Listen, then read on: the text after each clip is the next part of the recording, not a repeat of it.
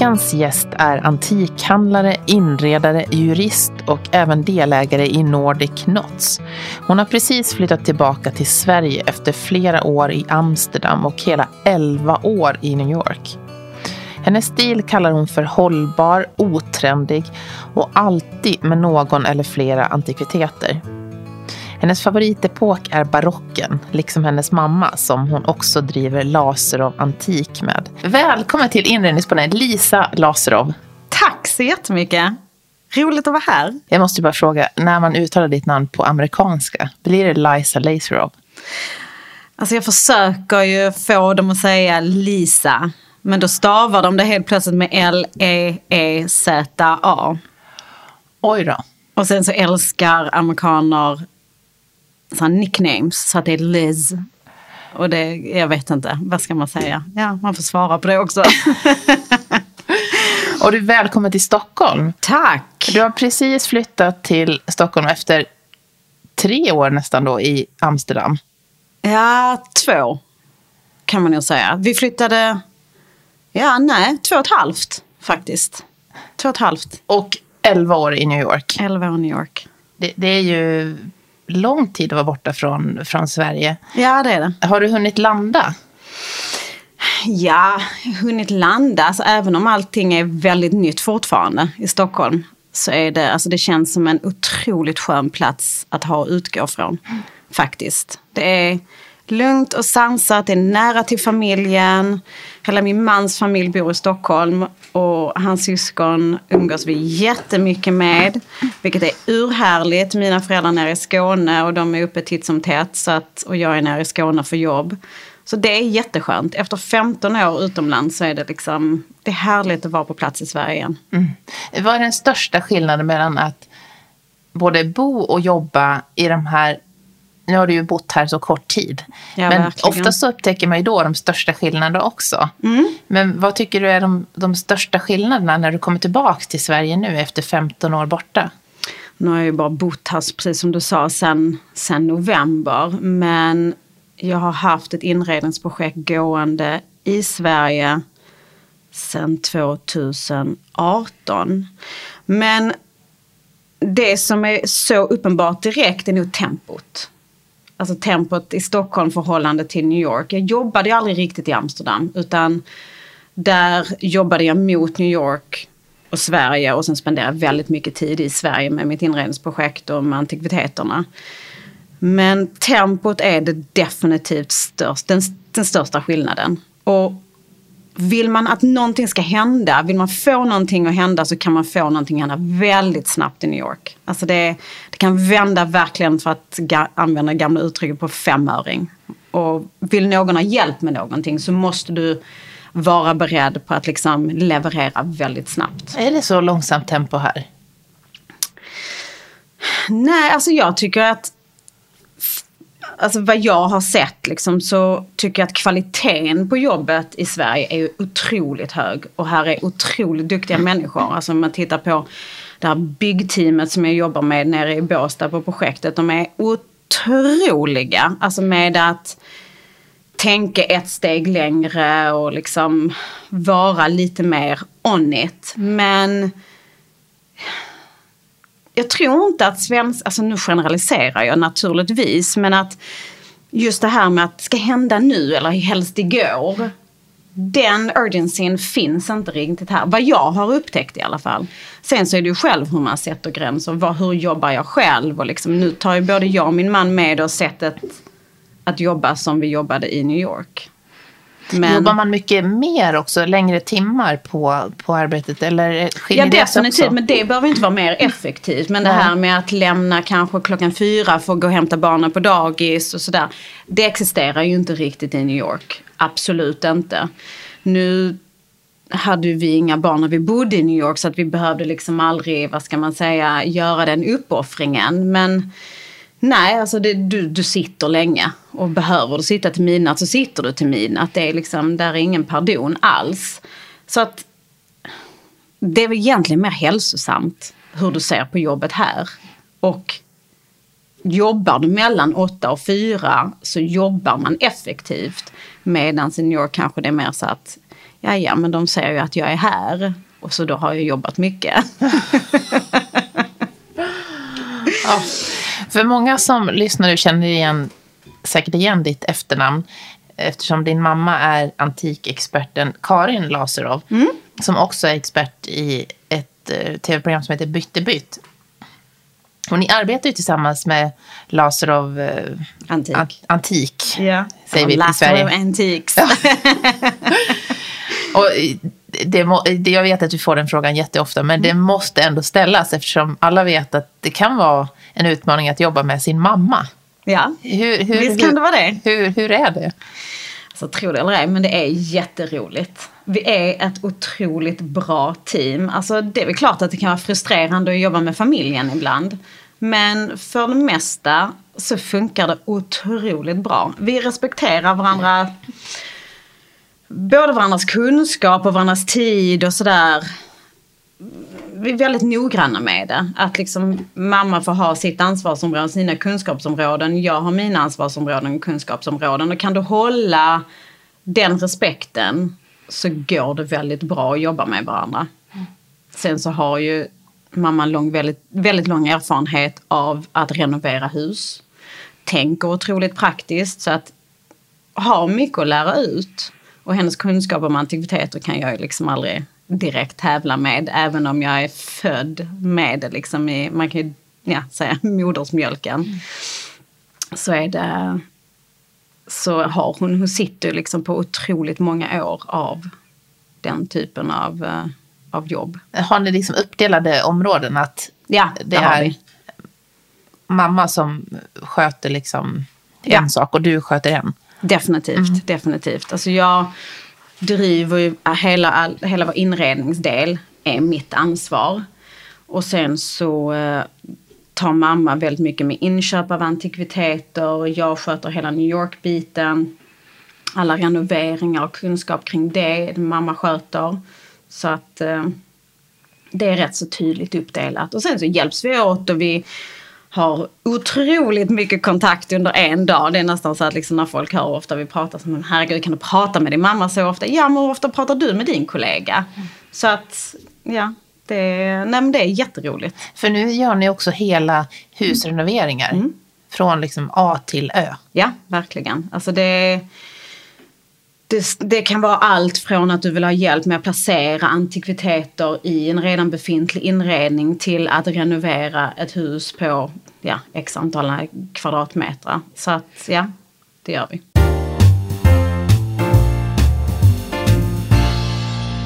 Men egentligen så skulle du ju aldrig vara involverad i familjeföretaget. Nej, eller din mammas företag.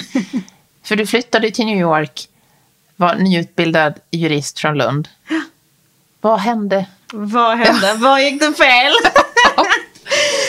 ja du, alltså jag hade en illusion om hur det var att vara jurist. Det var min mammas bästis som hette Elisabeth och hon var bankdirektör i London. Såg, alltså hon såg så häftig ut med sina liksom, vet du skirt suits och långa mörkröda naglar och portföljen. Hon körde en liten sportsbil när hon var hemma i Sverige. Och vi var hälsa på henne i London och jag bara, så där vill jag, det vill jag ha. Jag vill vara så, jag vill se ut så. Och hon är ju jurist.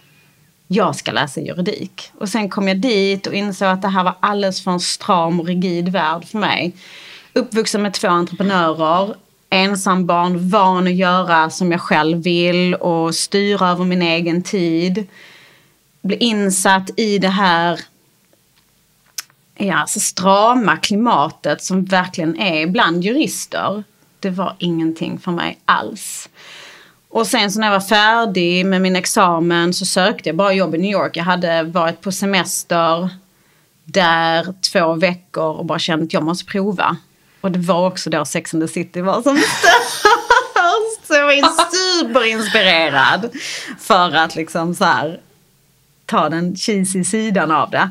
Men sökte jobb, eh, fick jobb. Jag hjälpte en konsthandlare.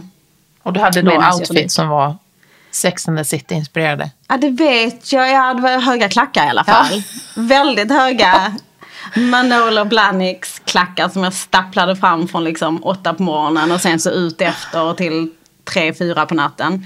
Men det, att vara anställd har aldrig varit någonting för mig. Alltså det, det funkar inte. Och sen som det är på grund av mig eller att ha en chef eller ja, jag vet inte. Så vi startade upp, startade upp Lasse Romantik i New York. Mamma etablerade en kontakt för att hon kände väl att det här är, du är så långt borta så jag måste ju ha en anledning att kunna åka till New York. Så att vi startade upp det här showroomet som sen ledde till ett inredningsprojekt 2009. Det var första inredningsprojektet och det var ett hus nere i Falsterbo. Där vi, stilen tog vi så här Hamptons inspirerat. Och då dejtade jag en kille som var inredare. Och han hjälpte mig liksom lite på traven för att jag hade ju egentligen ingen aning om hur man skötte det. Men jag tänkte, det här kan inte vara så svårt. Det måste jag ju lösa. Så att eh, på den vägen var det och sen så showroomet och sen så öppnade vi en designstudio nere vid Union Square. Och det rullade på helt enkelt. Ja, för eh, när du öppnat det här showroomet så skrev eh, Architectural Digest, säger man va? Mm. att du har ett showroom i New York med skandinaviska antikvitet som visar att samlingsobjekt fortfarande kan vara young and stylish. För då var du och Karin bland de första som, som etablerade dig fysiskt eh, i New York med svenska antikviteter.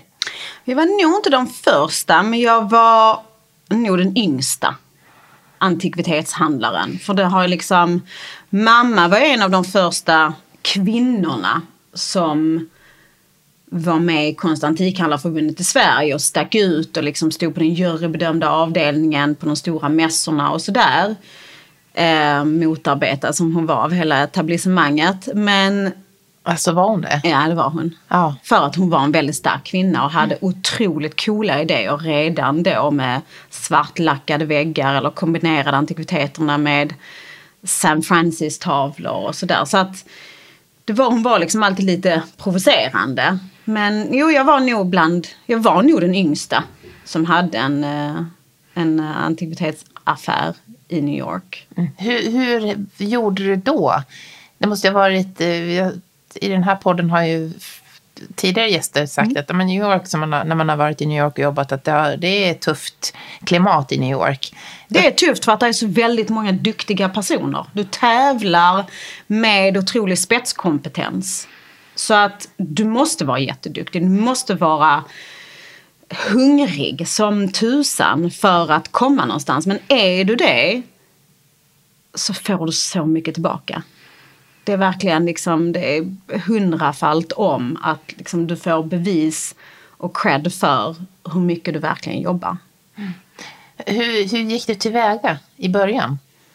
Så det är en sån osexig historia men det var typ så här dammsugarförsäljning. Det var att lyfta luren. Nu är det här, det var 2008 som vi öppnade showroomet.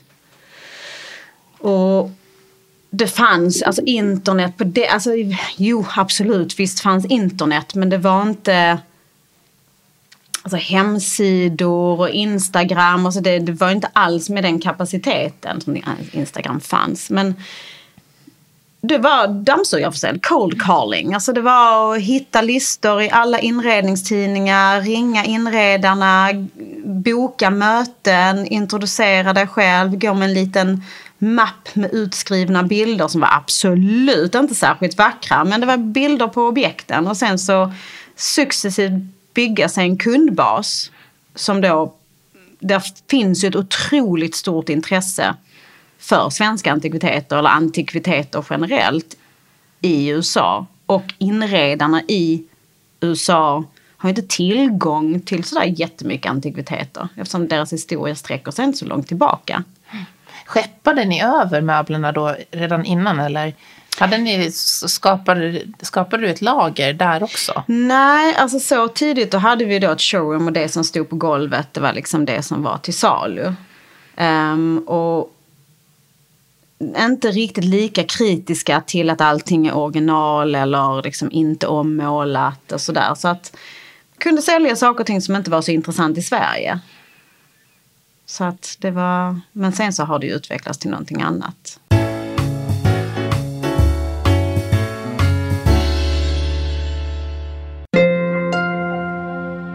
På inredningspodden.com finns alla avsnitt samlade för olika sätt att lyssna, till exempel Spotify, iTunes eller Acast. Du vet väl att det finns ett snart 70-tal avsnitt med många olika spännande gäster i arkivet. Följ även Inredningspodden på Instagram. Där finns jag under ett inrednings podden eller på Facebook inredningspodd. Där kan du skicka meddelanden, se korta filmer från varje avsnittsinspelning. Och för samarbeten och sponsring så mejla till info.joelhome.se. Ett stort tack till dig som lyssnar på Inredningspodden med mig, Johanna Hulander. Tack vare dig är Inredningspodden nu den största intervjupodden som handlar om skandinavisk inredning, design och arkitektur. Och det är jätteroligt att ni är så många som lyssnar varje vecka. Och hör av er om ni har önskemål om gäster. Ni når mig på info.joelhome.se. Eh, någonstans så beskrev du er stil som sustainable and not trendy. Eh, och med någon slags återhållsam elegans. Det, mm. det bara ser man ju när man ser dig också. Att det är så här, ja men du är ju så här, det är liksom, du har ju koll känns som. Åh, oh, tack. Men eh, om det är alltid med antikviteter som röd tråd. Mm. Har ni märkt av, eller har du märkt av det här ökade intresset för antikviteter i och med att intresset för hållbarhet har ökat? Så jag vet inte om folk ser, alltså nu pratar vi om i Sverige, att folk ser på antikviteter som sustainable även om det verkligen är det. Jag menar vi, vi säljer ju stolar som har hållit sedan 1700-talet. Och vad är mer sustainable än någonting som håller i 300 år? Um, men vår, vad ska man säga, alltså vår mentalitet eller vår filosofi ska jag säga vad gäller inredningar är att det ska hålla tio år. Det ska inte kännas daterat efter tio år. Utan vi använder oss av material som åldras vackert, som håller länge. Vi ser till när vi klär våra möbler att du kan byta tyg på dynan som du har suttit på eller vända på den.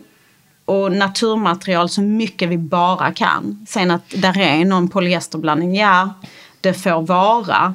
Men hellre att man betalar lite mer i början för en soffa som är byggd på rätt sätt och håller länge. Istället för att ha massa spånskivor och sådär som kommer inte hålla kanske mer än två, tre år.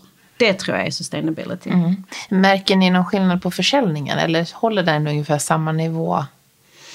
I förhållande till? Nej, till tidigare år. Så liksom, blir det, finns, ser ni ett ökat intresse för varje år eller håller det sig ungefär på samma nivå när det gäller antikvitetsförsäljningen?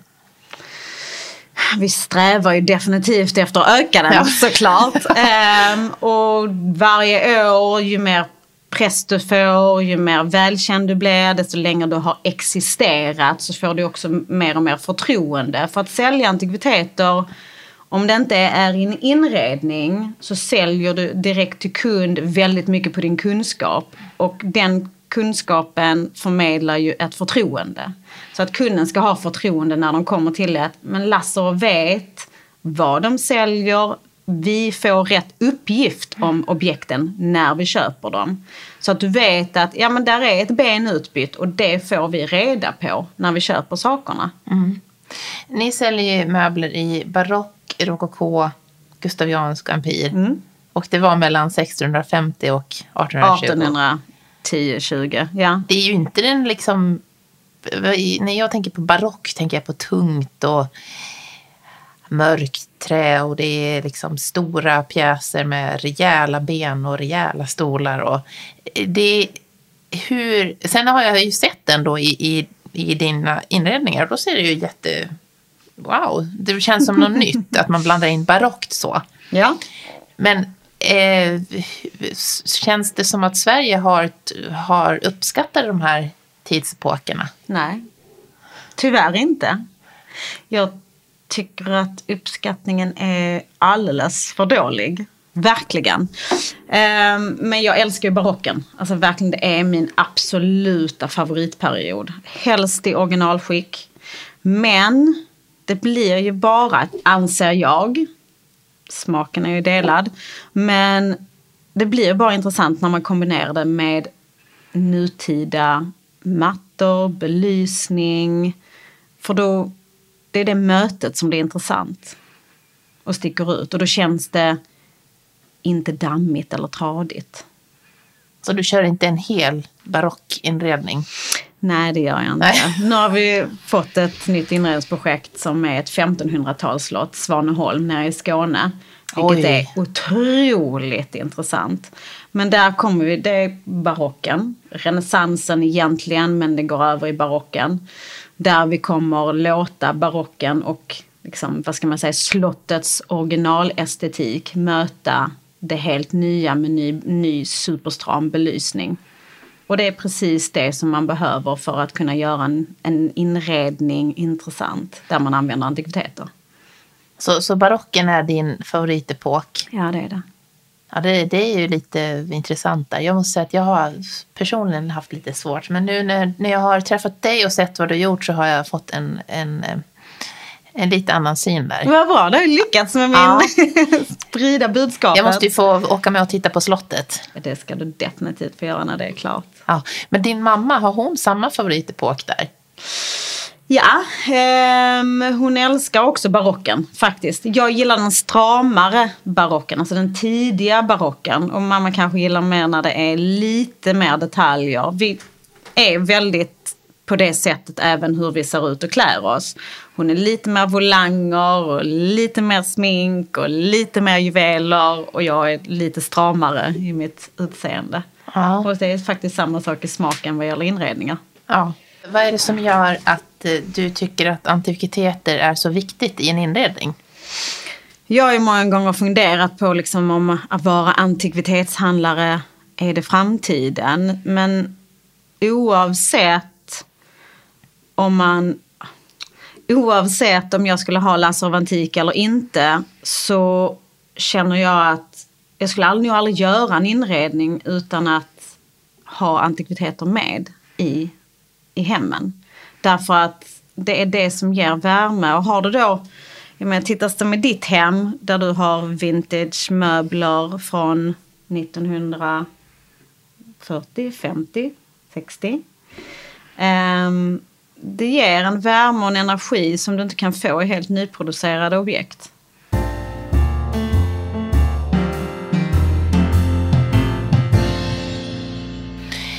no, jag tänkte att vi skulle bara gå tillbaka till eh, USA och New York. För att jag vet att många som lyssnar har, när ju en dröm om att, att få göra karriär i, I New York. I New York. Ja. Hur, eh, är det någonting som du skulle vilja tipsa dem som, eh, jag har ju bland annat en dotter som drömmer om New York. Det är ju sådär, wow, dit vill jag, där vill jag bo. Mm, mm, mm. Men vad, vad skulle du säga till den som som är intresserad av inredning och designarstektur. Att hur gör man karriär i, i den här staden? Hur gör man karriär i New York? Man har Idag. en vilja av stål. Du får inte låta små problem bli hinder. Utan det är någonting som att du måste bara lösa problemet och gå vidare. Så att har du det drivet, då tycker jag absolut att du ska åka dit. Alltså det är, men sen är det, det är tufft. Alltså ryktena är helt sanna. Men det är en så häftig, det är den häftigaste staden någonsin. Alltså Stockholm har ju en stor förkärlek till New York. Av någon anledning, vet inte varför. Men eh, du, du ska pusha igenom, för där är ingen ödmjukhet vad gäller klimatet där, alltså arbetsklimatet. Du kan inte tro att du ska komma dit och det löser sig, utan man får jobba hårt. Hårt jobb, det mm. skulle jag nog verkligen, alltså de två orden är definitivt vad det innebär. Mm. Har svenskar ett, eh, hur ser man på skandinaver i, i, i USA? Hur, hur, hur möts man? Väldigt gott rykte Eh, både estetiskt och jobbetiken. Alltså svenskar har ju väldigt bra jobbetik och liksom man håller vad man lovar och man är punktlig och sådär. Och det, det har man ju stor användning av, definitivt. Och sen också den här, du har ju utvecklat från antikhandlare till att också göra inredningar för restauranger, lokaler. Eh, hur skiljer det sig mellan Sverige och USA? Att vara inredare? Ja. Mm. Um, ja, alltså nu har jag ju som sagt gjort ett inredningsprojekt i Sverige. Um, och påbörjat vårt andra, eller mitt andra. Men alltså, jag skulle nog säga att där finns lika många typer av inredningsprojekt som det finns och kunder som det finns människor på jorden. Jag har haft tur, ska jag nog säga, att haft fantastiska kunder som jag har jobbat med. Och många av dem får man en underbar relation med. Sen så tror jag att det är många i USA som är, nog har mer en vana av att jobba med en inredare. Det kanske är när jag kommer in och ska göra deras hem så kanske de har haft fyra inredare innan och vet precis hur det funkar och vad det ska kosta och liksom hur de ska agera gentemot en inredare. Men min kund i Sverige här tycker jag inte skiljer sig alls utan där är ett stort förtroende. Vi har blivit goda vänner och hon förlitar sig och ger mig det förtroendet för att jag ska kunna göra ett bra jobb. Men det du sa innan också, att i USA har man en annan vana att, att uh, ta hjälp. Ja, det, är, det, det tror jag generellt. Mm. Alltså vanan av att ha städhjälp eller en psykolog eller man går och gör ansiktsbehandlingar en gång i veckan. Och man är väldigt stolt för att, eller inte stolt, men mer att man säger ja, det är väl självklart. Om jag gör det valet så är det ingen annan som ska tycka någonting. Här är man kanske lite mer orolig vad, vad någon ska tycka om, om ens val. Medan där är det så här, skit du i det. Det här är mitt liv och jag gör exakt vad jag vill. Och det kanske, kanske är någonting som dels har jag med mig av att ha en så stark mor. Men och har lärt sig att äh, mina val ska inte påverka någon annan. Mm. Det där med den amerikanska, de som anlitar dig i USA. Mm Eh, strävar de efter att få en skandinavisk stil eller är det, är det eller? Jag vet inte om det är den skandinaviska stilen men jag håller en skandinavisk kanske stramhet i mina inredningar. Att jag inte övermöblerar. Jag älskar det negativa utrymmet där objekten får tala. Och där inte är för mycket saker överallt. Men, och tittar du på en amerikansk inredare så kan det verkligen vara fallet och det är en stil i sig. Så att jag tror att det är det som folk dras till. Att där är en, eh, en återhållsamhet, återhållsam elegans. Ja. Men när du går in i ett objekt där fyra eh, inredare har jobbat tidigare. Mm. Hur blir det? Kan, man, kan du då säga att äh, men det här det här, de här jobben som de har gjort, det, det, det tar vi bort nu. Mm. Och så börjar vi om. Det är väldigt mycket psykologi när det kommer till inredningar och hur man talar till kunden och hur man får dem att känna att man inte gör något övertramp eller att man kritiserar någonting. Men de hemmen jag har gjort har det varit rätt så mycket starta från noll. Då har det varit renoveringar och om, vad ska man säga, rumsplaneringar så att vi har börjat i rum där det inte har funnits någonting överhuvudtaget. Och det är väl egentligen det bästa. Mm. När man slipper använda sig av någon annans val som har gjorts innan. För det är jättehemskt att säga det men det är sällan man tycker liksom att det här är wow. Så att, och är det wow, ja, vad ska jag då där och göra?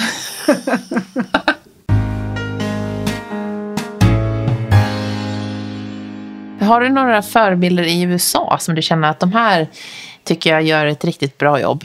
Eller blickar du bara mot eh, Europa när du letar inspiration? Ja, um, där är ett par inredare i USA som jag tycker gör fantastiskt. Men det är lite mer av den gamla skolan. Alltså till exempel Steven Stills. Han är nog, alltså nog 60, något sånt där. Um, jag tycker att han gör fantastiska grejer. Därför att den gamla skolan i USA använde mycket antikviteter i sina inredningar. Och sprängde in och liksom det här mötet mellan det gamla och det nya. Men jag tror att min inspirationskatalog av bilder har definitivt flest bilder av europeiska inredare. Det, ja, det tror jag verkligen. Mm. Belgiska och franska inredare. Mm. Eh, de senaste åren har ju renoveringstakten ökat väldigt mycket. Framförallt, jag vet inte hur det har varit i USA, om det har varit samma där. Att man har slängt ut kök och badrum som är några år och man har liksom man vill ha det som visar ens egen stil. Tror du att det beteendet kommer att förändras? Jag tror faktiskt inte det.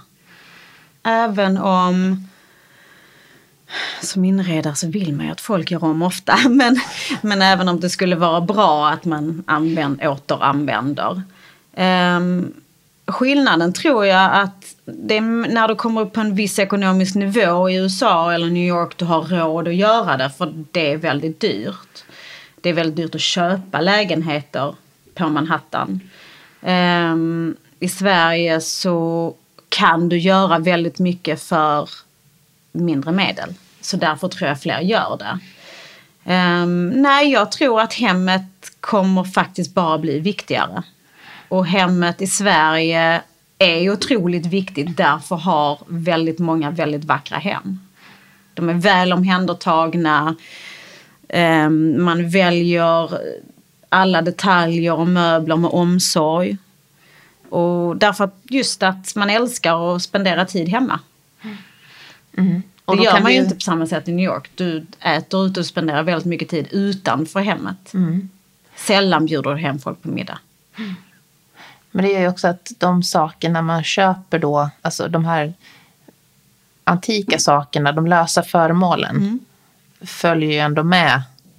tar man ju säkert mer om hand om också. Att de följer med. Det är ju, kan jag tänka mig.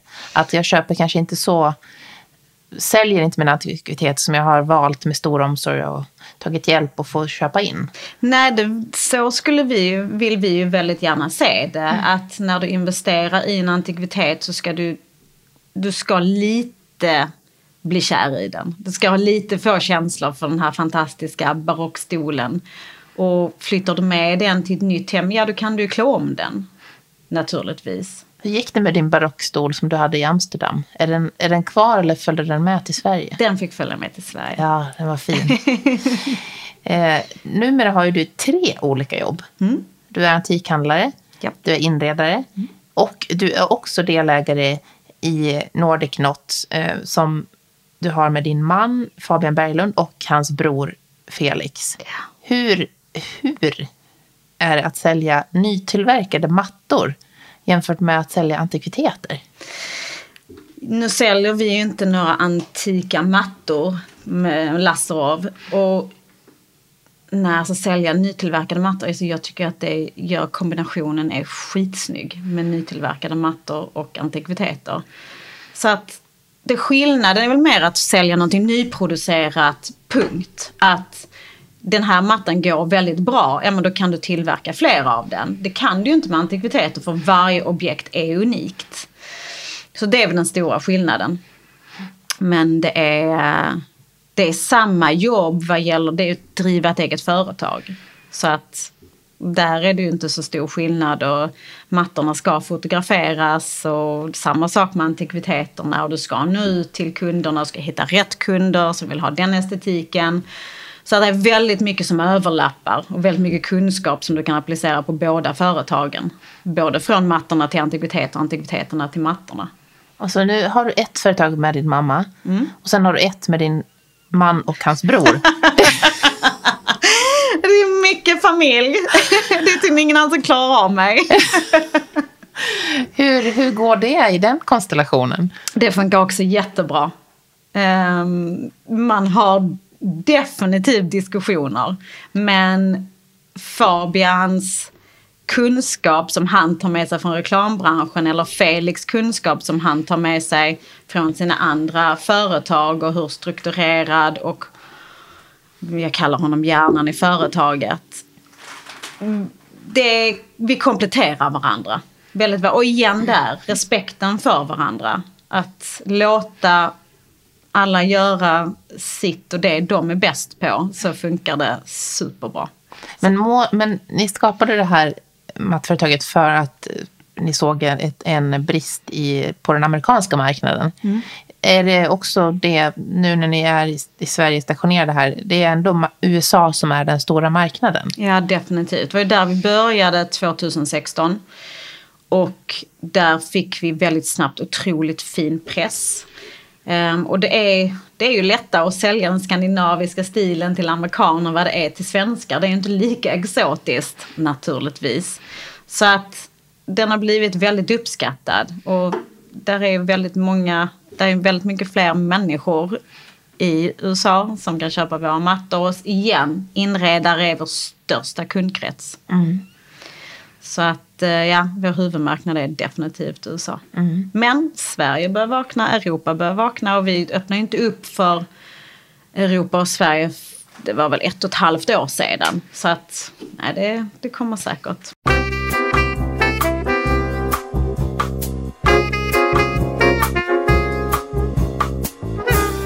Hur ser planerna ut för Sverige nu? Kommer vi att få se flera olika nya företag växa fram från dig? Nej, jag tror inte det blir fler företag. Men vi eh, har öppnat kontor och eh, där jag också har min designstudio på Tegnérgatan.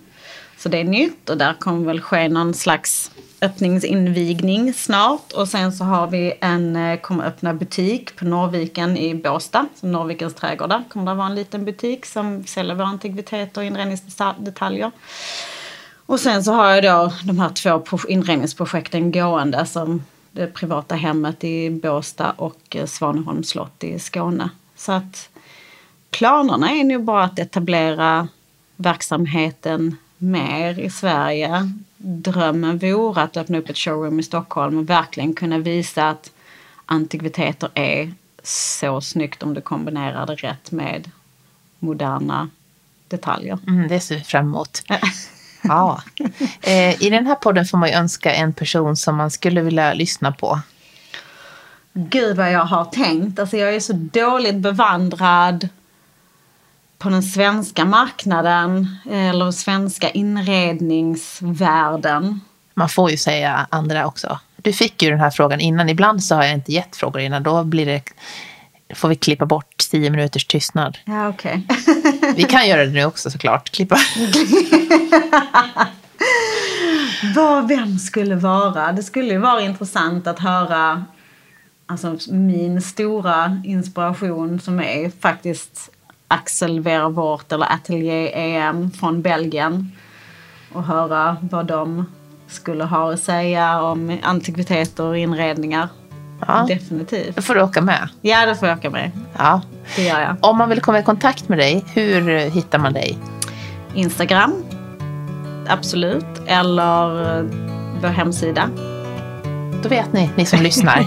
Tusen tack Lisa. Tack själv. Tack själv.